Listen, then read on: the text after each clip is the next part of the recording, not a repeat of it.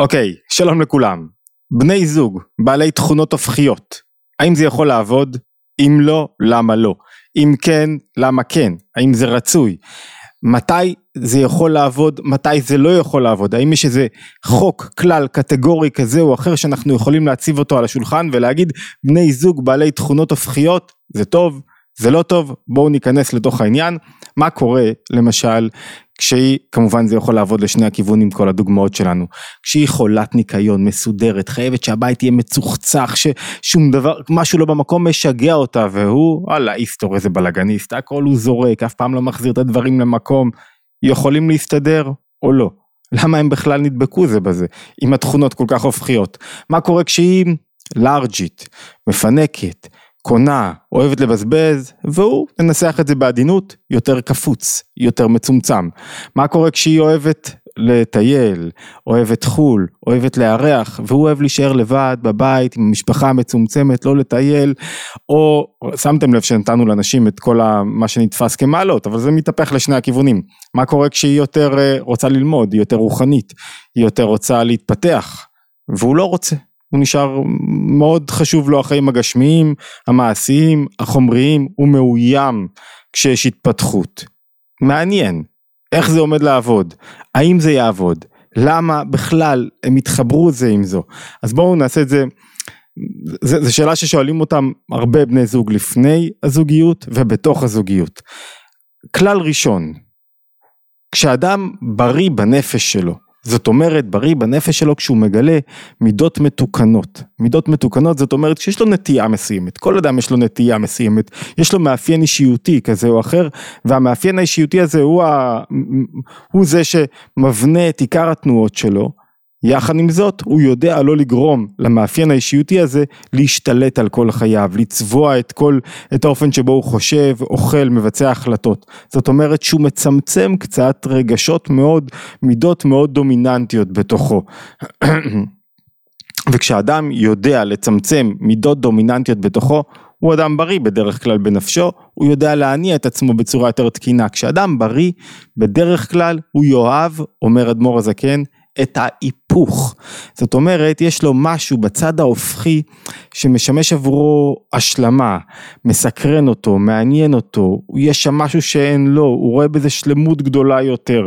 זאת אומרת, כשאני, יש לי נטייה מסוימת, נגיד לקו החסד, לקו של יותר פזרנות ונתינה, ונתינה וחיבור, אז אני אחפש בבן זוג, אני אוהב, יהיה לי נטייה לאהוב או להתחבר או להימשך למישהו שיש לו נטייה הפוכה, קצת יותר לקפדנות, יותר לצמצום, יותר ללמדנות, יותר להסתגרות, ימשוך אותי משהו שמה. ככה כותב אדמו"ר הזקן, שעבודת האדם היא בהיפוך, כלומר להיות כשהוא מחפש את ההיפוך הוא מבטל את מה שהוא ורוצה להתחבר למשהו אחר כדי לצמוח ולגדול. הוא מביא דוגמה, הנה כתיב שאברהם נאמר בו קח נא את בנך אשר אהבת את יצחק. למה הוא כל כך אוהב את יצחק? כי יצחק בטבע, במאפייני האישיות שלו, שונה מאברהם. בכל ספרות הקבלה והחסידות אברהם מבטא את דמות החסד, הנתינה, הבלתי מוגבלת מלמעלה למטה, ואילו יצחק הוא דמות הגבורה, היותר הצמצום, העלאה מלמטה למעלה, ודווקא בגלל שאברהם ויצחק היו שונים בתכונות שלהם, אברהם מאוד אהב את יצחק. זאת אומרת, כשאני מתוקן בתחילת הדרך, כשאני לא נותן לרגשות לא רצויים להשתלט עליי, כשלא מאיר לי בעוצמה המידה הדומיננטית בטבע שלי, שיכולה להיות נטייה, נתינה לפזרנות, נטייה לקמצנות להפך, נטייה להסתגרות, נטייה לחומריות, לא משנה מה הנטייה הדומיננטית שמבטא את המידה שדומיננטית בי, כשהיא לא שולטת בי בעוצמה, אני נמשך להפוך, ויש בזה משהו מאוד חיובי. יחד עם זאת, כשאני מפסיק את העבודה הפנימית שלי, כשאני במצב לא מתוקן, קשה לי מאוד לקבל את המידה ההופכית אצל בן הזוג. קשה לי מאוד להתפשר, קשה לי מאוד לראות את המעלות שבמידה ההופכית, את האיכויות. זאת אומרת, אם נחזור לדוגמאות שבהם נקטנו, מי שעובד על עצמו, והוא כזה מסודר ונקי כל הזמן, יודע גם להעריך קצת בלאגן, יודע גם לראות בזה איזה משהו חיות וכולי. כשהוא, משתלטת עליו, הוא לא יכול לסבול את זה. או כשמישהו נוטה לצמצום, הוא יודע להבין, כשהוא מתוקן, הוא יודע להבין את הערך של נתינה ופיזור והוצאה, גם אם זה לא התנועה שלו, בת הזוג משלימה אותו.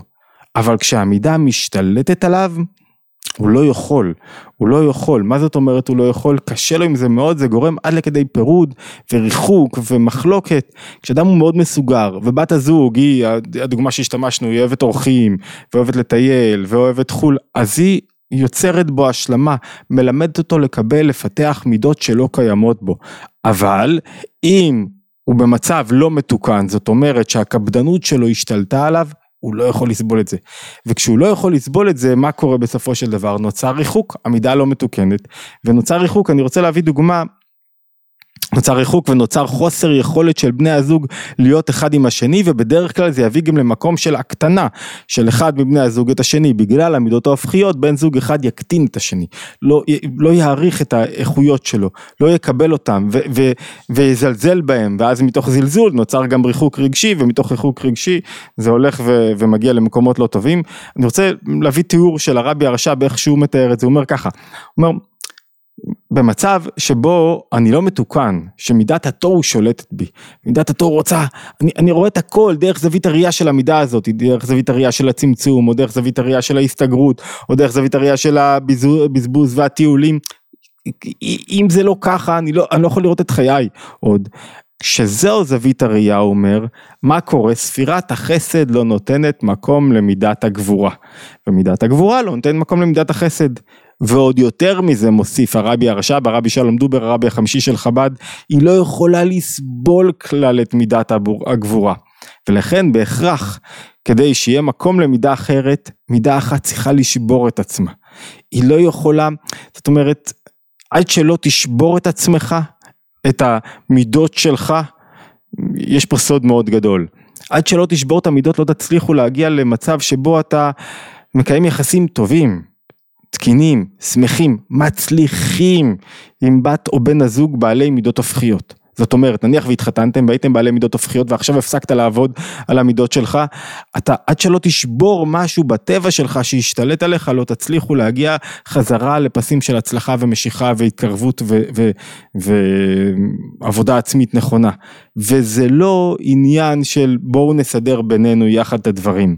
זה השבירה שלך. ולכן מי שכבר מספיק זמן איתנו בתחום הזוגי יודע שעבודה היא לא בייעוץ זוגי, העבודה היא של כל אחד לעצמו, כל אחד על המידות שלו. לכן כתוב, על כן נאמר, כשמידות התוהו שולטת בי, כשהמידה הדומיננטית מתרחבת בי, וימת, מל, וימות מלך פלוני ואחר כך ימלוך מלך פלוני. כל מידה רוצה לנצח, אני רוצה שהכל יהיה בדיוק כמו שאני רוצה. ובגלל הישות אין מקום לשיתוף פעולה. ומה גורם לישות הזאת? שכל אחד חושב שהמידה שלו היא המתוקנת, היא הנכונה, רק הדרך שלו, הוא לא מחפש כבר את ההשלמה, הוא לא מחפש כבר את שיתוף הפעולה, הוא לא מחפש את הצמיחה ואת האחדות שנובעת ואת היופי שנובע מתוך זה שאני יודע שיש לי תכונות מסוימות ויש לי גם חולשות ואני נותן מקום לצד ההופכי כדי שביחד נגיע למשהו שלם יותר וגבוה יותר. אני מחפש להכניע ולבטל ועד שאני לא אבטל את עצמי ואשבור קצת את התנועות שלי, לא נצליח ליצור מערכת יחסים טובה, תקינה, נכונה. אז מהו, כלומר, בואו נסכם לנו את זה רגע כך.